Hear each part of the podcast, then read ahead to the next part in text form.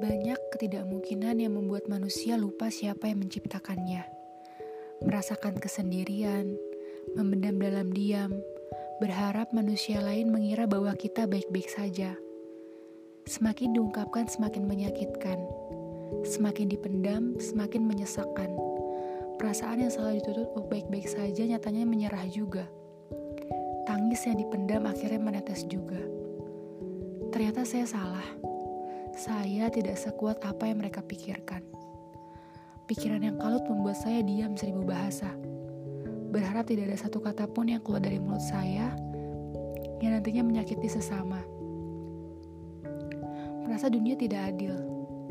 Tapi saya langsung teringat bahwa Tuhan Maha Adil menghakimi dunia rasanya sia-sia.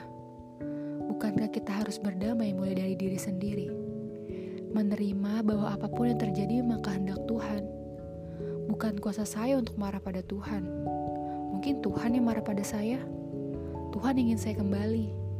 Tuhan ingin saya menyadari bahwa segala ketidakmungkinan yang selama ini saya semogakan memang seperti inilah jalannya. Penuh liku, penuh air mata, Tuhan yang sudah menyiapkan ini semua. Bukankah tidak ada yang tidak mungkin selagi selalu melibatkan Tuhan?